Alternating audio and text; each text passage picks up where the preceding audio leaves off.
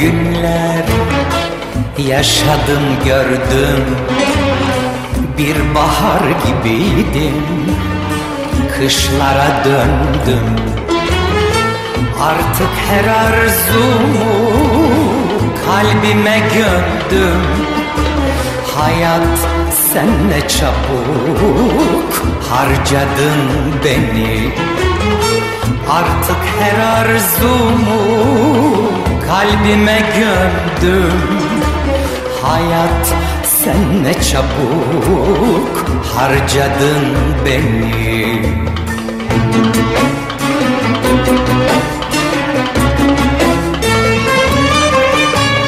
Gençliği gönlümde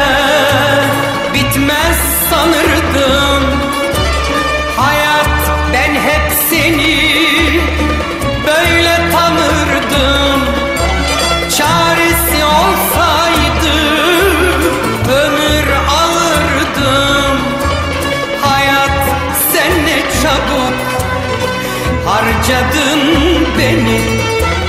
Çaresi olsaydı ömür alırdım. Hayat sen ne çabuk harcadın beni.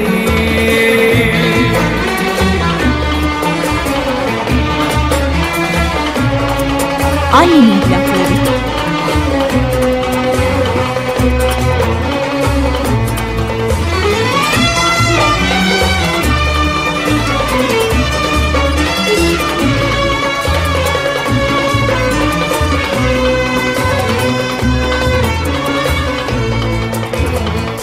Perişan gençliğim Üzgün bakıyor. Kalbimi bir korku Sarmış yakıyor. Şimdi gözlerimden Kanlar akıyor. Hayat sen ne çabuk Harcadın beni Şimdi gözlerimden kanlar akıyor. Hayat sen ne çabuk harcadın beni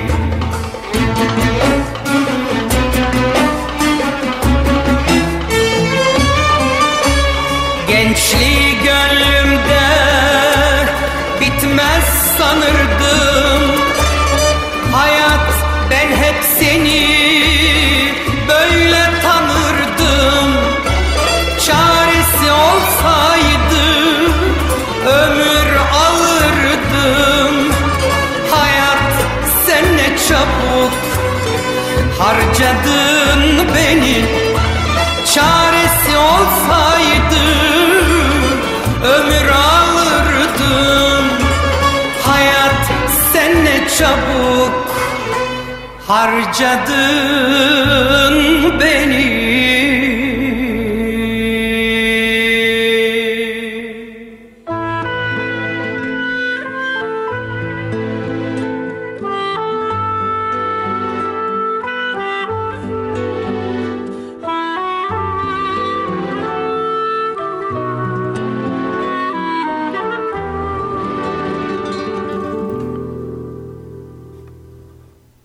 kırıklığı diye bir şey yoktur.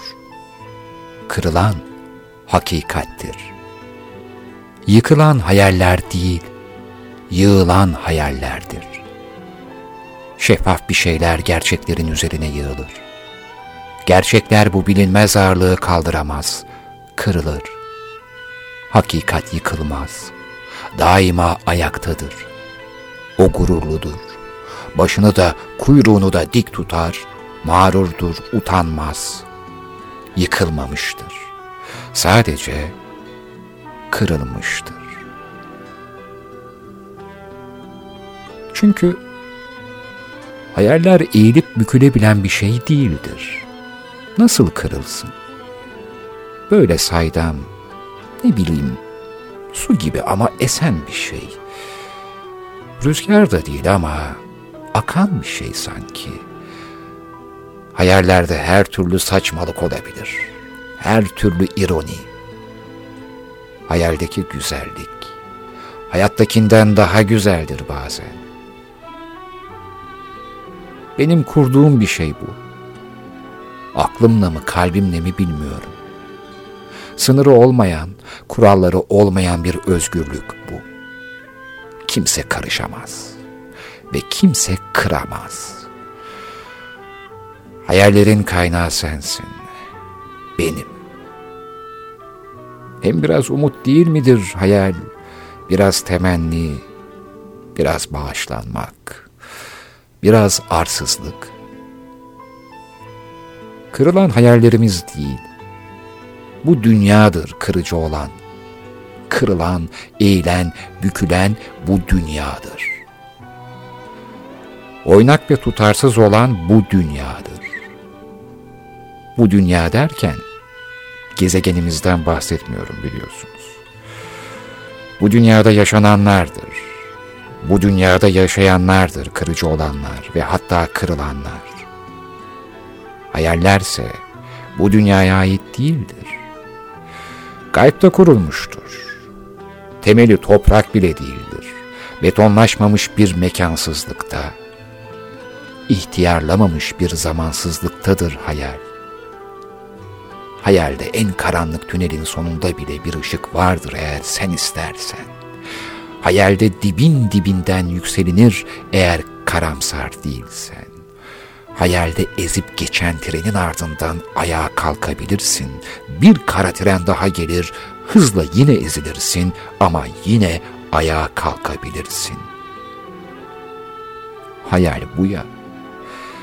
Madem hayaller gerçek dışıdır, o zaman kırılan o değil, gerçeğin kendisidir. Gerçek hayat dediğimiz bu dünyada olanları tosladığında, kırılan hayal olamaz. Çarptığı gerçek parçalanır ancak. Yıkılan hayal değil. Pelte pelte olmuş gerçeklerdir. Hem ne ironik değil mi? Gerçek dünya diyorum. Oysa ben yalan dünya derdim. Gördün mü bak. Bu da ironik. Bu da saçma. Bu bile hayal.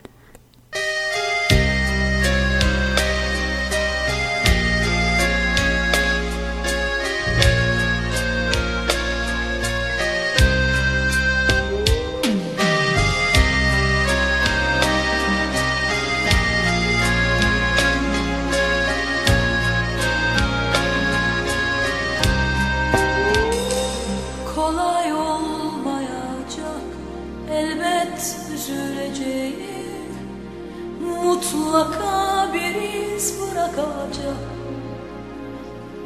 Belki de çocuk gibi sana küseceğim.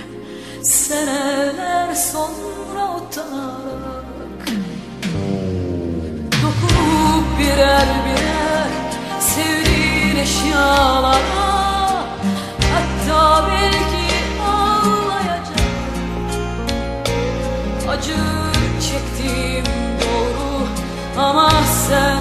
bakma Ne olursa olsun seni unutacağım. Seni sevdiğimi unut. Sevişmelerimiz yalan. Unut beni de her yalan gibi unut. O sevgiler ki yoktular. Onlar ümitlerimiz ki. Ne ümitler yaşlandı Ayrıldığımızı Yalnızlıklar zaten yalan. Unut beni de her yalan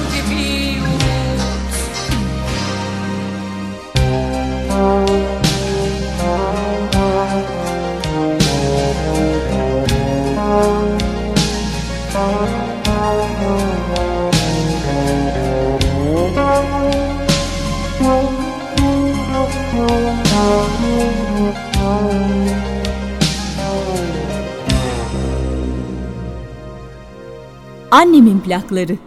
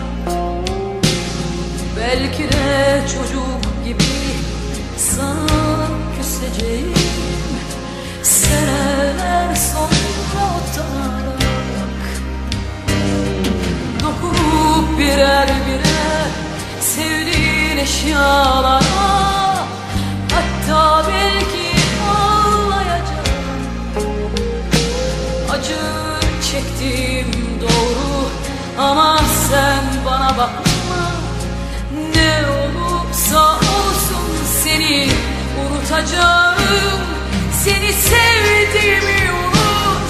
Sevişmelerimiz yalan. Unut beni de her yalan gibi unut. O sevgiler ki yoktular Onlar ümitlerimizi Ne ümitler yaşlandı gel zaman git zaman. Ayrıldığımızı unut Yalnızlıklar zaten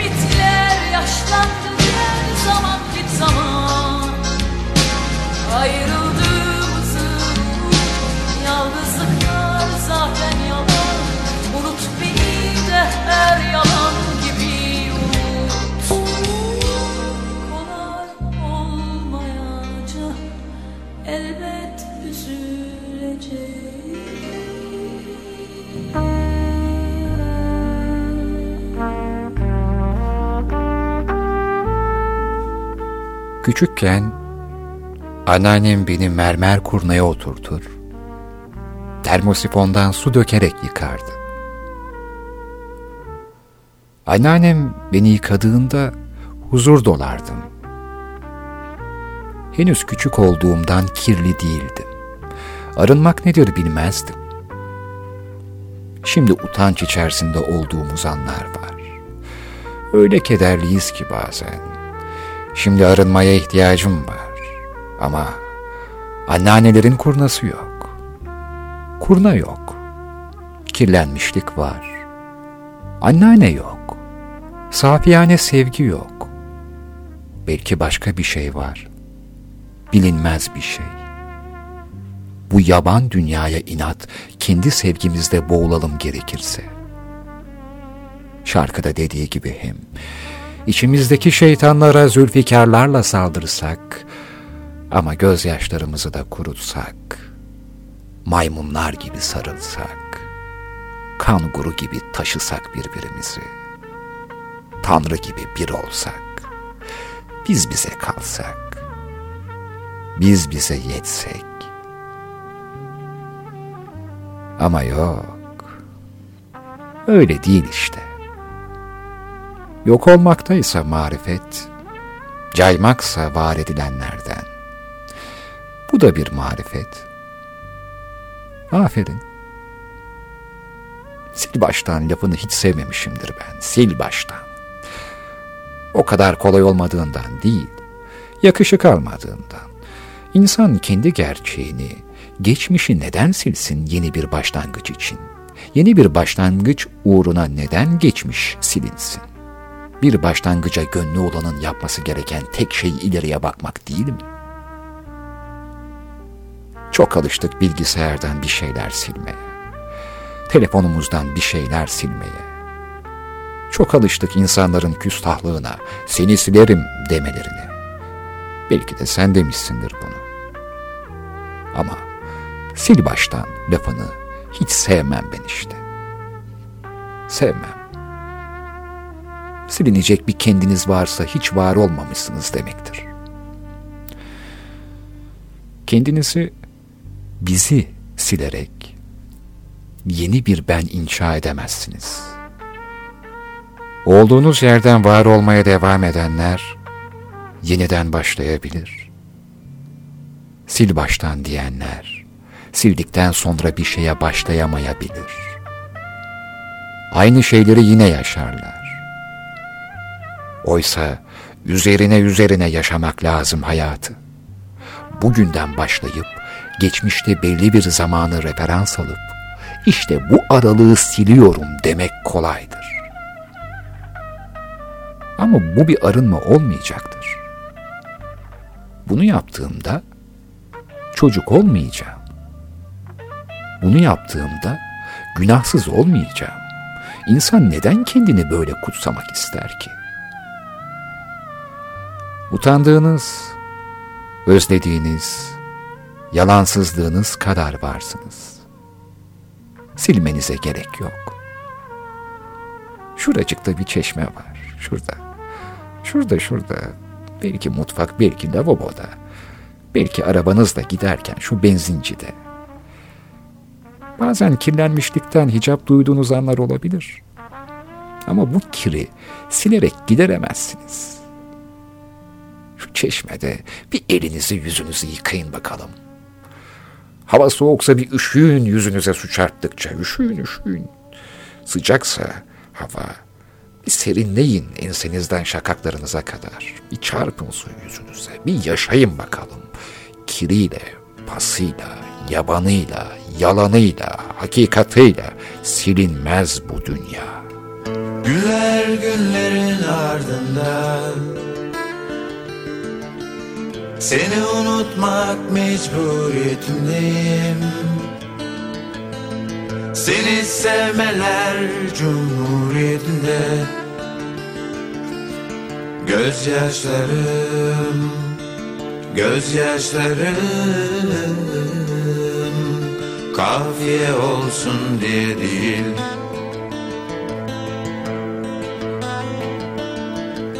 Özleye özleye kavuştuk birbirimize Birbirimize vitaminler, moraller verdik İçimizdeki şeytanlara zülfikarlarla saldırdık Gözyaşlarımızı bitti mi sandın? Gözyaşlarımızı bitti mi sandın?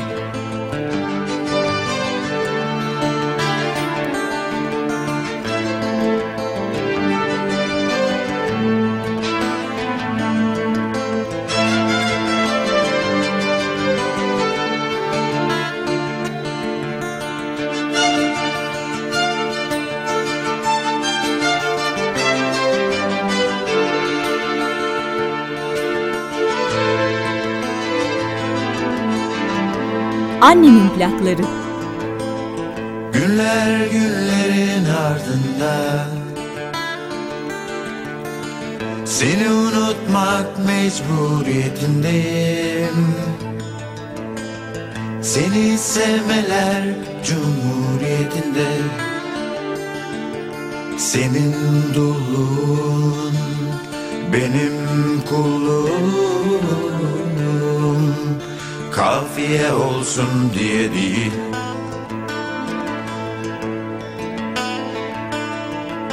Özleye özleye kavuştuk birbirimize. Birbirimize vitaminler, moraller verdik. İçimizdeki şeytanlara zülfikarlarla saldırdık. Gözyaşlarımızı bitti mi sandın?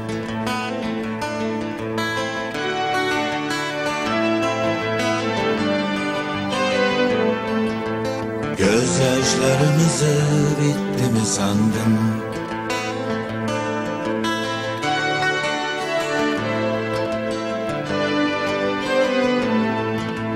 Gözyaşlarımızı bitti mi sandın?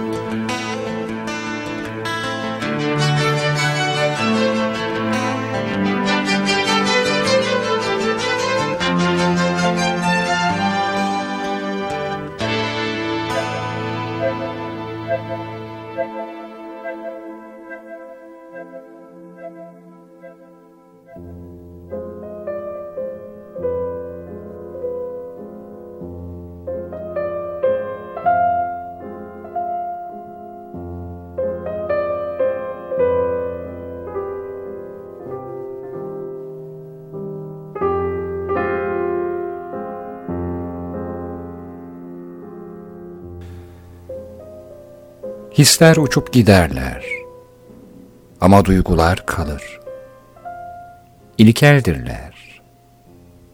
His, hissetmek an meselesidir. Zamana yayılan bir şey değildir. Anlıktır. Duygularsa kararlıdır. Hakikatsa kalıcıdır. İlkelidir. İnkılapçıdır. Duygular zamana yayılır, mekanda örülür.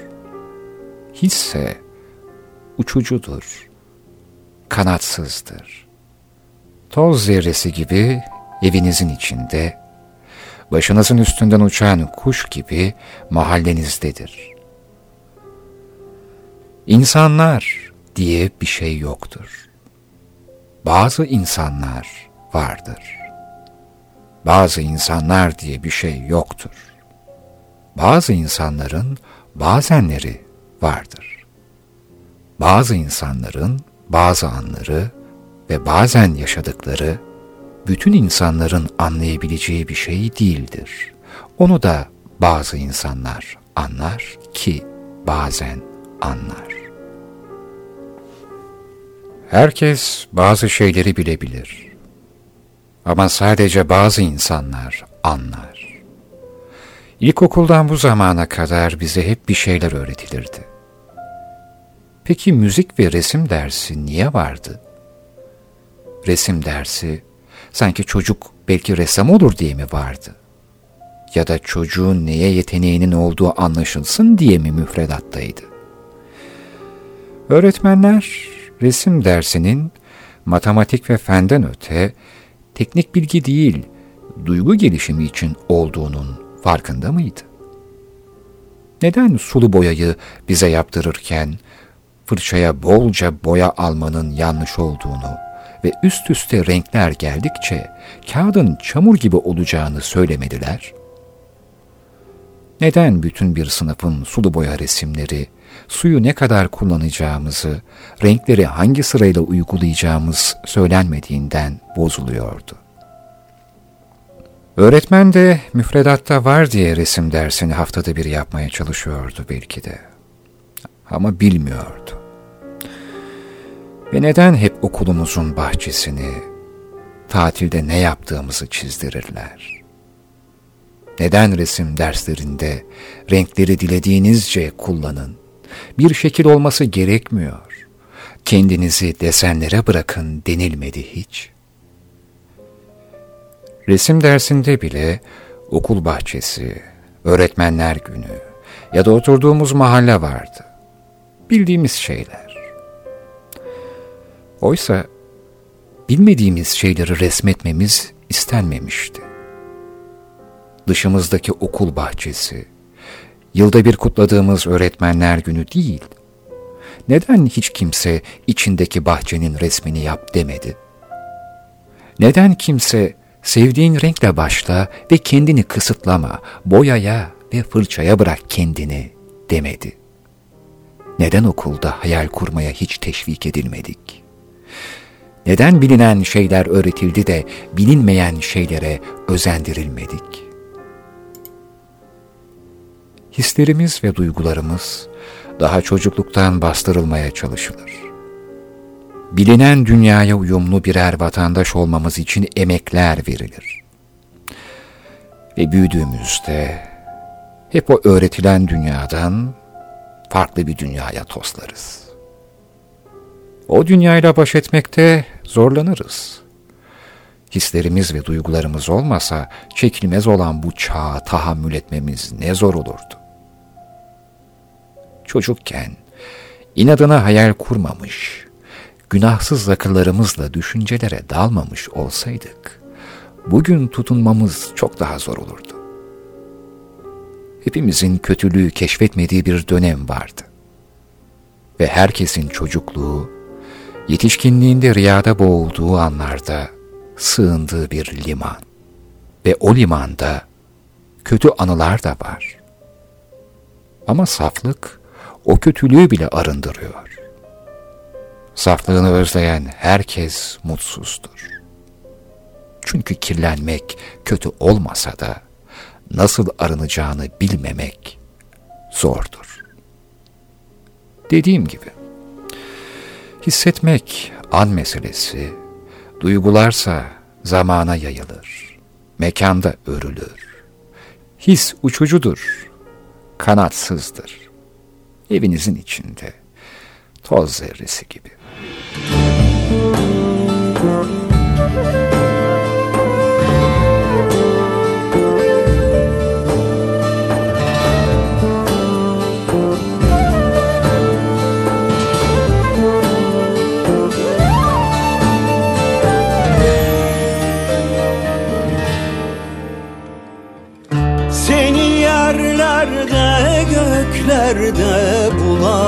göklerde bulamazlarken Ben de gizli olduğunu sezenler olmuş. Dumlu dumluymuşsun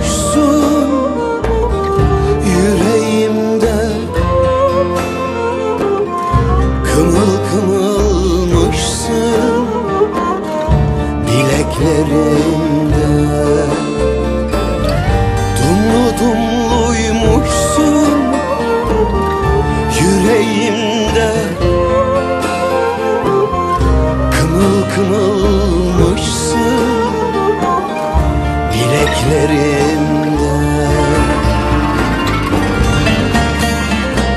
Türkü olmuşsun umudummuşsun Ellerimde, göz bebeğimde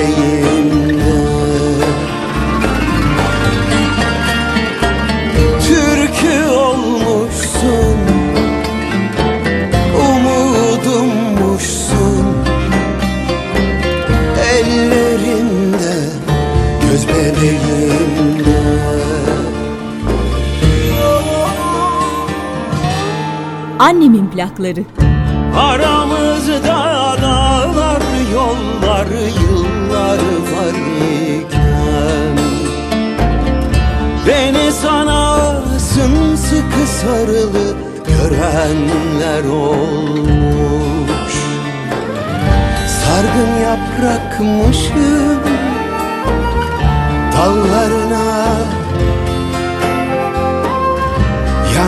toprakmışım.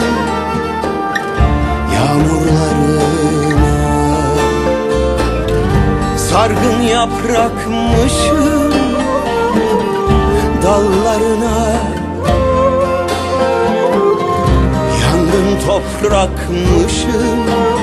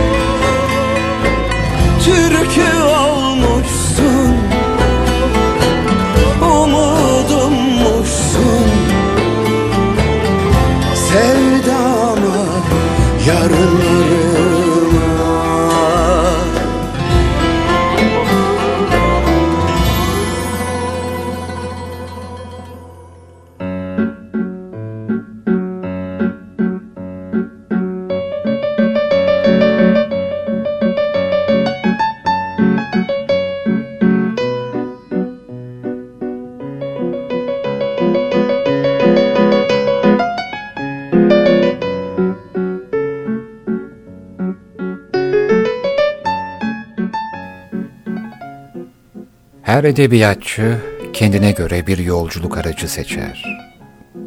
Kimi trenin tıkırtısına yayar yazdıklarını, kimi de otobüsün camından gelip geçen hayatlara. Biri ışıkta duran otobüsten seyrettiği evlerin içine döker kalemini. Bu sefer mavi. Haydar Ergülen'in Yolculuklar ve Kentlere ait derlediği kitabın üçüncüsü. Otobüs, tren ve ardından gemiler. Bir de gelecek olan uçak yolculukları olmalı. Mutlaka gelecektir. Her edebiyatçı kendine göre bir yolculuk aracı seçer, sever. Kimi trenin tıkırtısına yayar yazdıklarını, kimi de otobüsün camından gelip geçen hayatlara.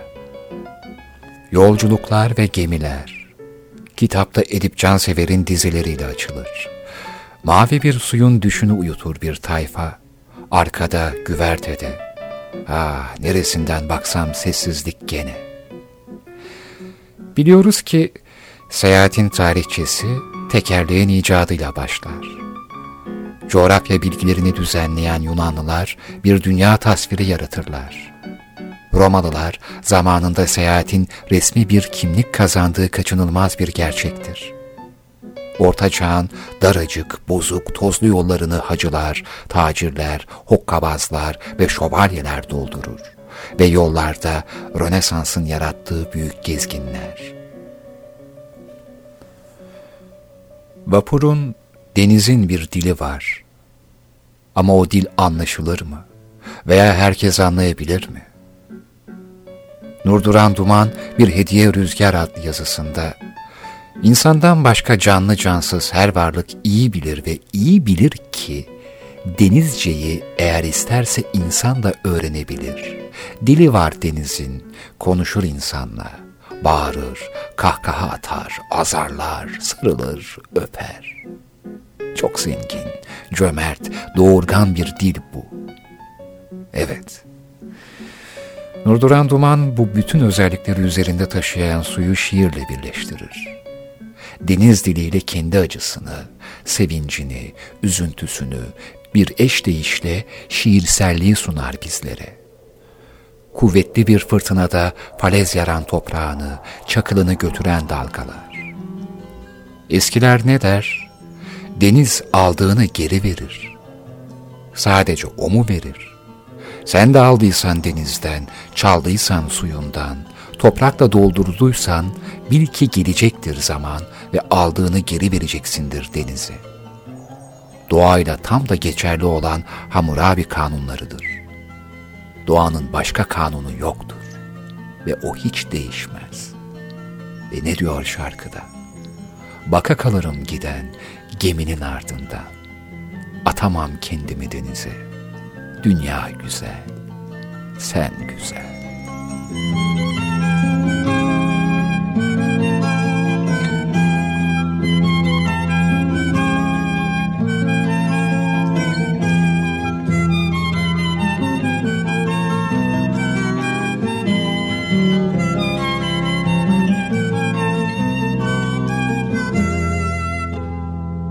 kalırım giden geminin ardından Baka kalırım giden geminin ardından Atamam kendimi denize dünya güzel. Atamam kendimi denize dünya güzel. Annemin plakları. Sende erkeklik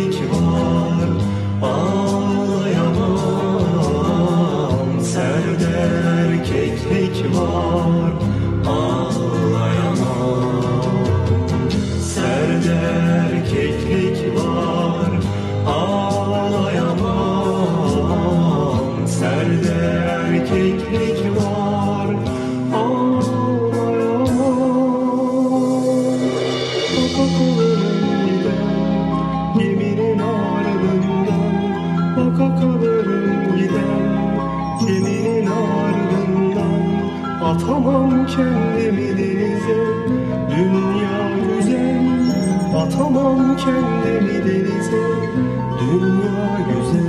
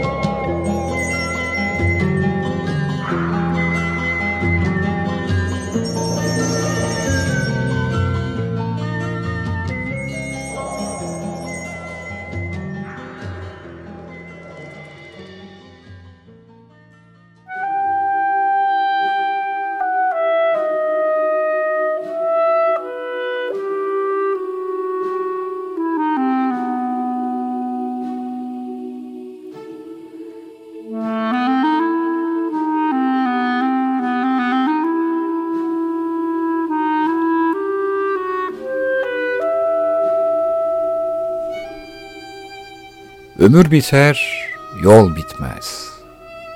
Tabii bir de denizden karanın görünmesi vardır. Metin Celal de Ayvalık vapuruyla Avşa adlı yazısında buna değinir. Yapılan yorucu, keyifli o vapur yolculuklarının ardından karanın görünmesine uzatır kalemini. Karanın görünmesi ne demek? Marmara Adası'na ulaştık. Yolculuğun yarısından fazlası geçti demekti. Marmara Adası'nı bir uçtan diğer uca kat edip el değmemiş koylara, küçük köylere bakıp hayaller kurarak adanın merkezine ulaştığımızda ilk hareketlenme başlardı. Vapur iskeleye yanaşıp yolcular inerken adanın delikanlıları da vapurun en yüksek yerine çıkıp denize balıklama atlayarak hem kızlara hava atar hem de yolcuların attığı madeni paraları dipten çıkarırdı. Evet, Kitabın sayfaları arasında ilerledikçe belki bildiğimiz ama hayatın koşuşturmacası arasında denize, yolculuğa, gemilere dair unuttuğumuz ne çok şey hatırımıza geliyor. Ben iki iskele arasında vapurlar derken çocukluğumun kenti dediğim ama sevip sevmemeye bir türlü karar veremediğim o yere uzanıyorum. İnsanın çocukluğu sahil kasabasında ya da denize yakın bir yerde geçerse, Oyuncağı da gemiler, deniz yıldızıdır, kumdur, iskeledir, karşı kıyıdır, güneştir ve tabii tam da kitabın adı gibi mavidir. Haydar Ergülen, Miço sesleniyor da bir itirafta bulunur. Kitabın adının konma safhası ne çok adlar bulunur, değişir, beğenilmez ama sonunda bu sefer mavi olsun deyip üç noktayı da koyunca her şey bitti sandık. Bitmezmiş. Ömür biter, yol bitmez dedikleri şey meğer en çok da deniz için geçerliymiş. Dünya biter, deniz bitmezmiş. Bitmesin diyerek itirafını okuyucuyla buluşturur. Dalgaların Sesi Nasıl Olsa Gideceksin adlı yazı Cemil Kavukçu'nun kaleminden. Hayatının bir kısmı denizlerde geçmiş biri için deniz, ada, gemiler nedir bilir misiniz? Denize uzak bir kasabada doğup büyüyen ama sonra da denizle iç içe olan Cemil Kavukçu, denizde yakalandığı o fırtınaları anlatır. Onun yazısını okurken yüzünüze vurur denizin suyu Suna yakın bir geminin öyküsüyle kaptanın öyküsünün nasıl ayrılmaz bir bütün olduğunu vurgular. Kaptanın evidir, çocuğudur, sevgilisidir gemi. Üsküdarlı bir ailenin oğlu Şefik Göğen'in hayatını çevirir kalemini. Denizi ilk görüşünü, annesinin kucağında dalgaların sesiyle ilk defa tanışmasını anlatır. Denizin hikayeleri bu anlattıklarımla sınırlı sanmayın. Daha kimlerin yazısı var maviyi, denizi, sevgiyi, özlemi anlatan. Kitabı en doğru okumanın yolu tefeyyül açmak. Kitap falı. Eskiden herhangi bir şairin divanından yapılırmış tefeyyül. Rastgele kitabın sayfaları açılır, ortada çıkan sözcüklere, cümlelere göre günü, hayatı yorumlarmış insanlar. Sıra takip etmeden, canınızın çektiğinden başlayarak kitabı okuma olanağınızın olması belki de en güzel tarafı. Ben tefeül açtım okurken. Hangi yazı gelirse oradan başladım. Nasılsa hepsi deniz, hepsi gemi, bu sefer mavi. değil mi?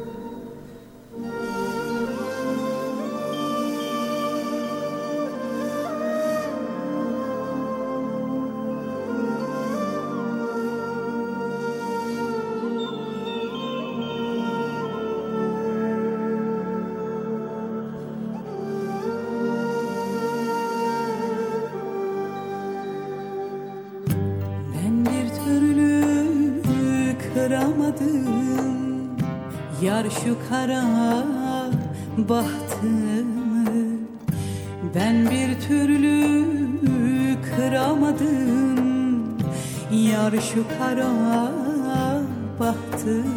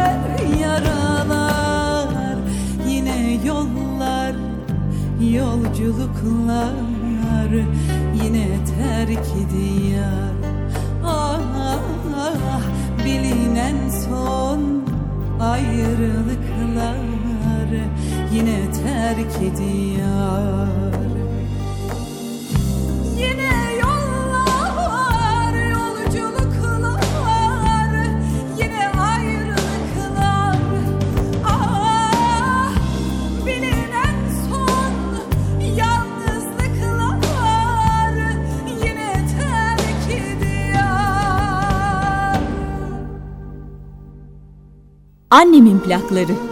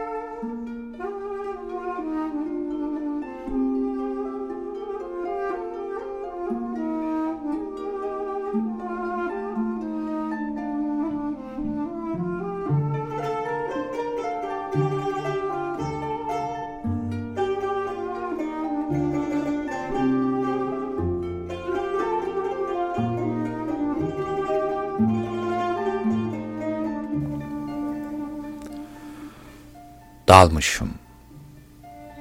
Çok büyük bir sarayda, çok küçük bir pencerenin önündeyim. Bu pencereden içine binlerce kişiyi alan bir odayı görüyordum.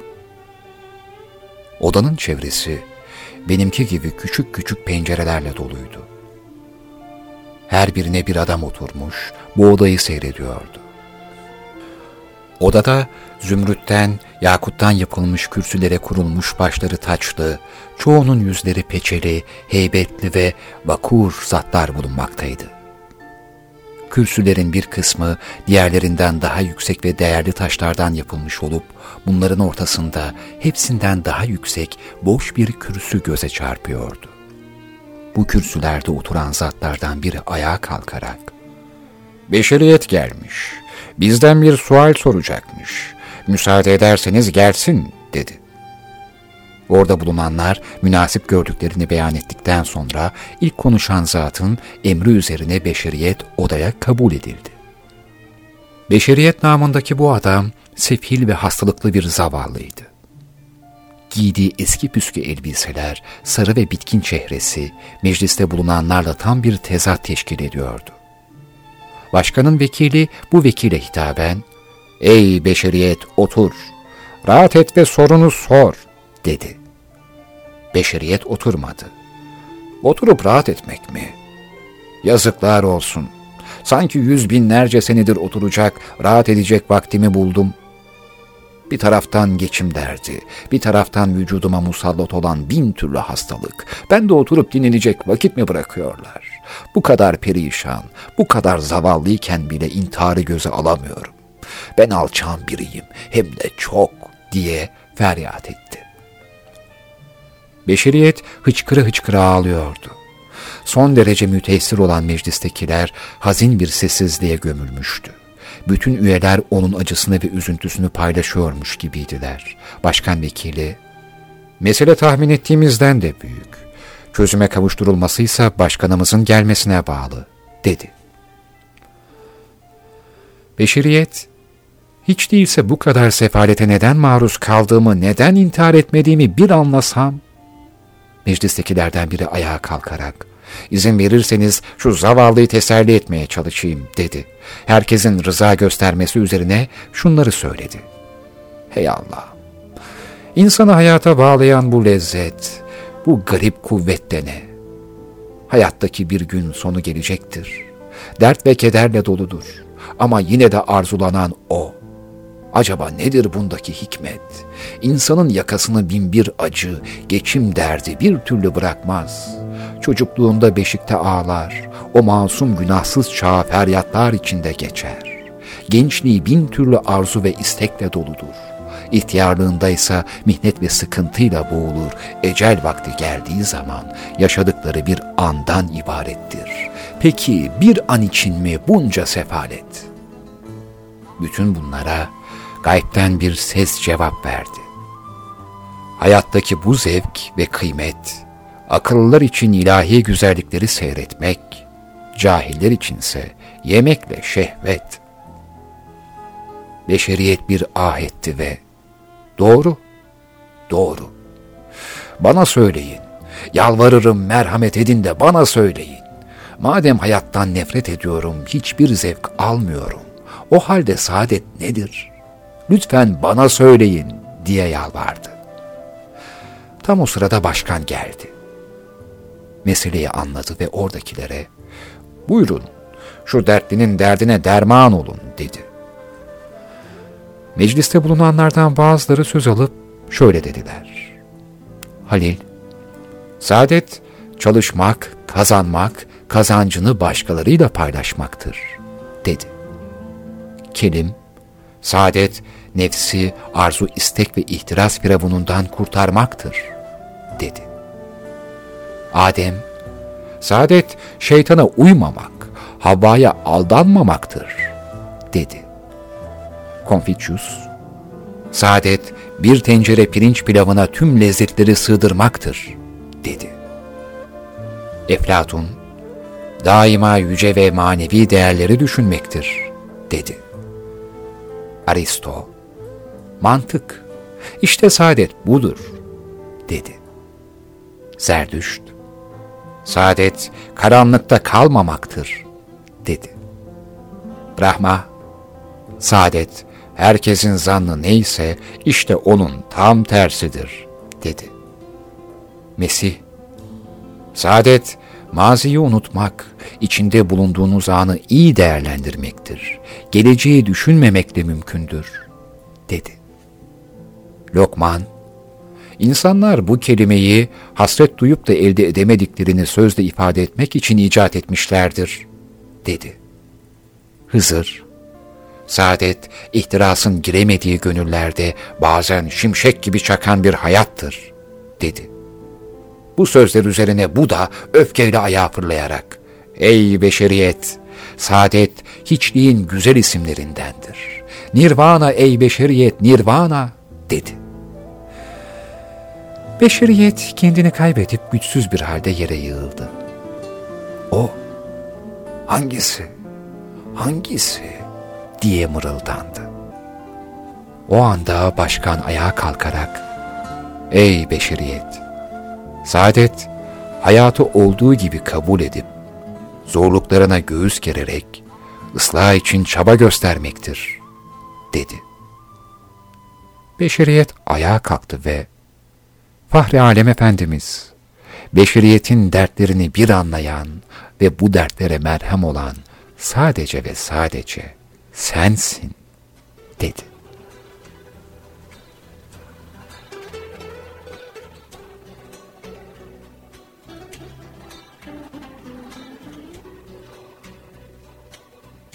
Yeşil ayna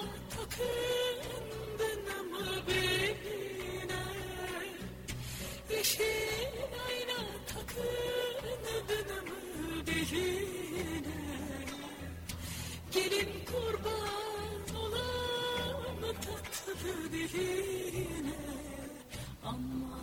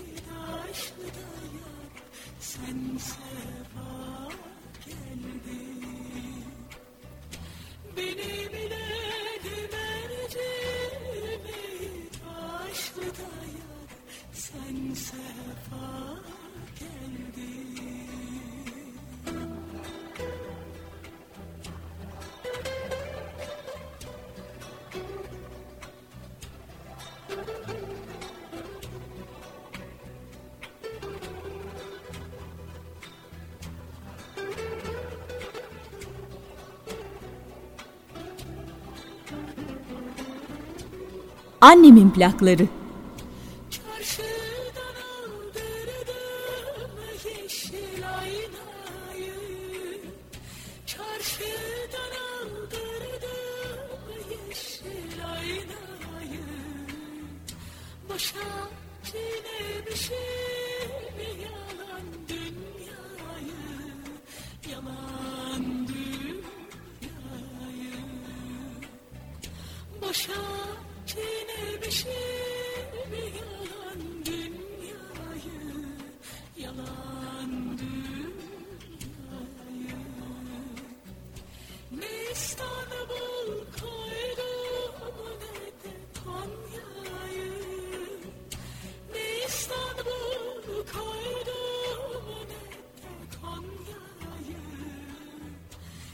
Kendime münasip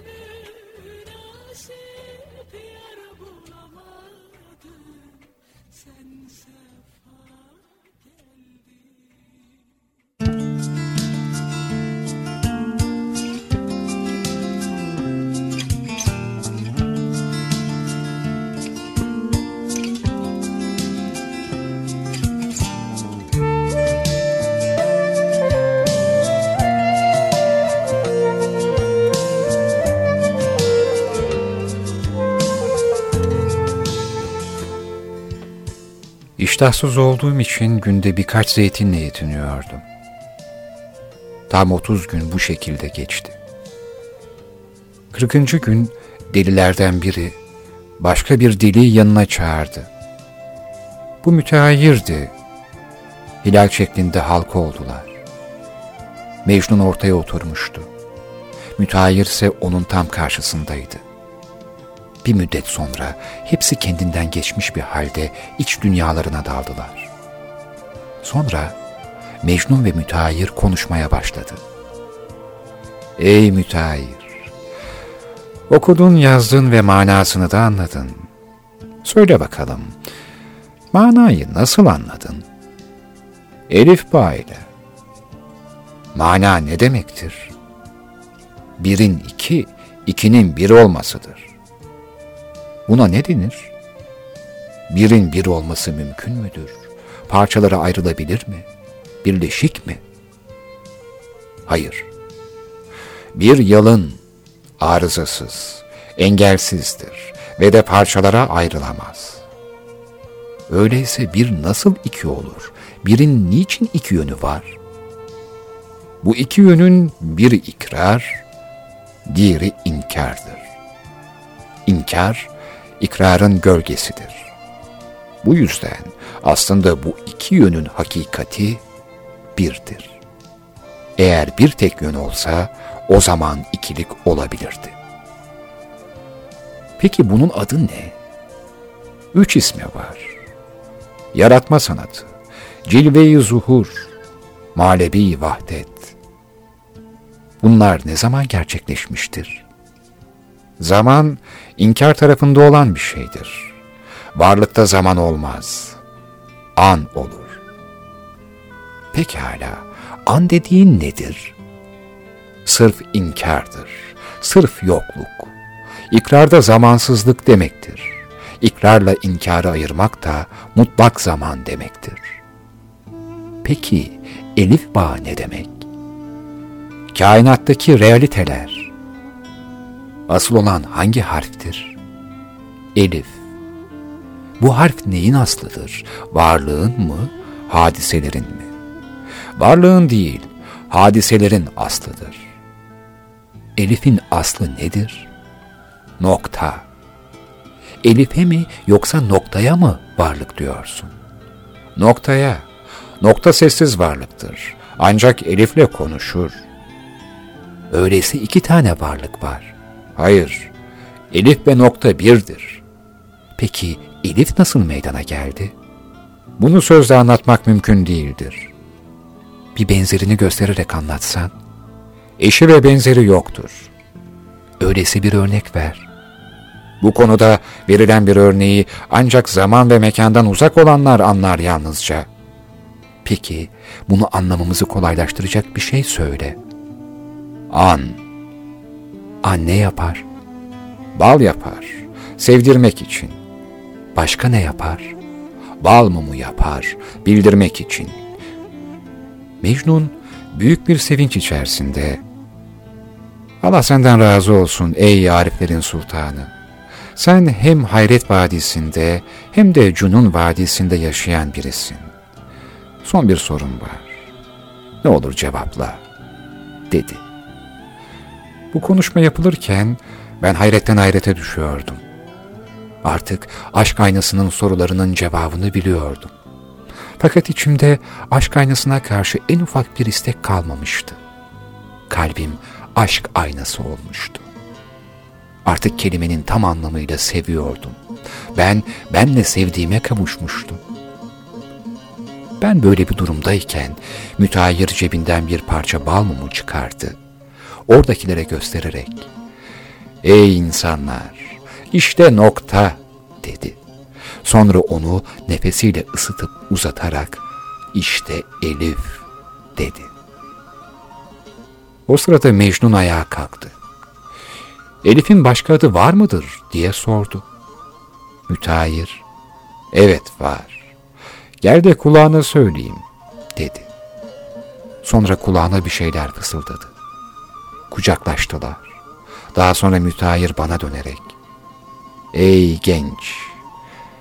İşte artık Leyla'sız Mecnun oldun. Çünkü Mecnun Leyla oldu. Aradan Leyla'yı da çıkarırsan, Elif'in diğer ismini de öğrenebilirsin, dedi. Büyük bir sevinç içerisinde gözlerimi açtım. Aynalı baba o Davudi sesiyle şu şiiri okuyordu.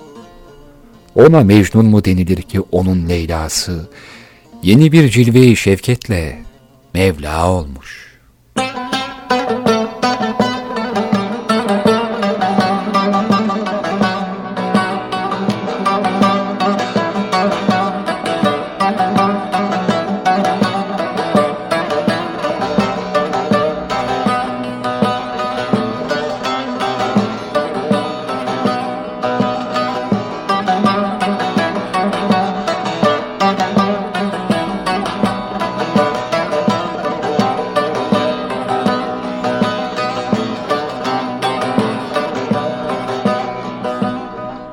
Beni eller gibi görme sen benimsin ben seninim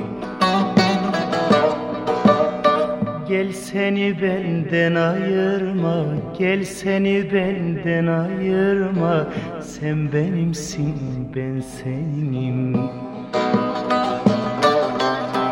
Sen benimsin ben seninim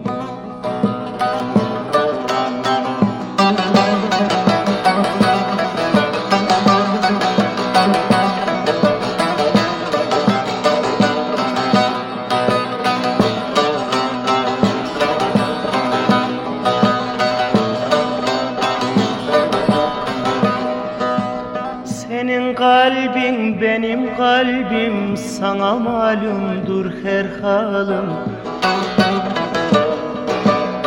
Kaçma benden nazlı gülüm Kaçma benden nazlı gülüm. Sen benimsin ben seninim. Sen benimsin ben seninim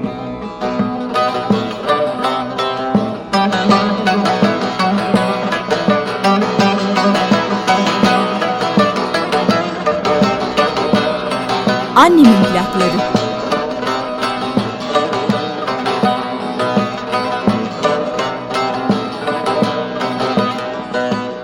Kalpten kalbe bir yol vardır Gözünen görünmez sırdır İkimizin kalbi birdir İkimizin kalbi birdir. Sen benimsin ben seninim. Sen benimsin ben seninim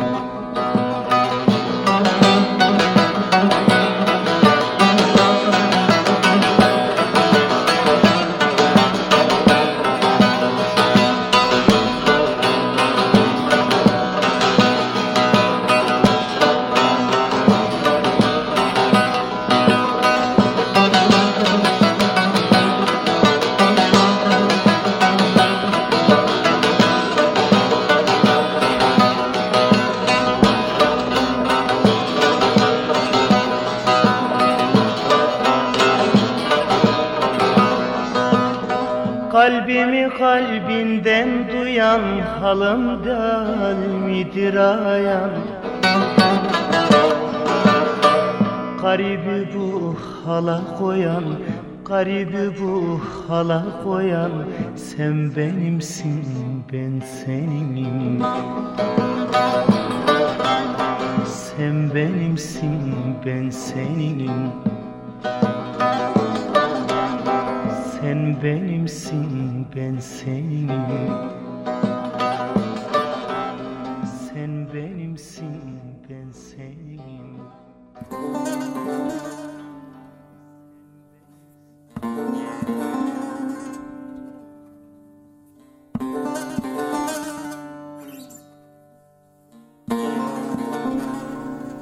Ey gönül! Zaman dediğin ne ki? Senin deliliğin, senin mevhumun. Yollar zaman geçtikçe daha da uzar.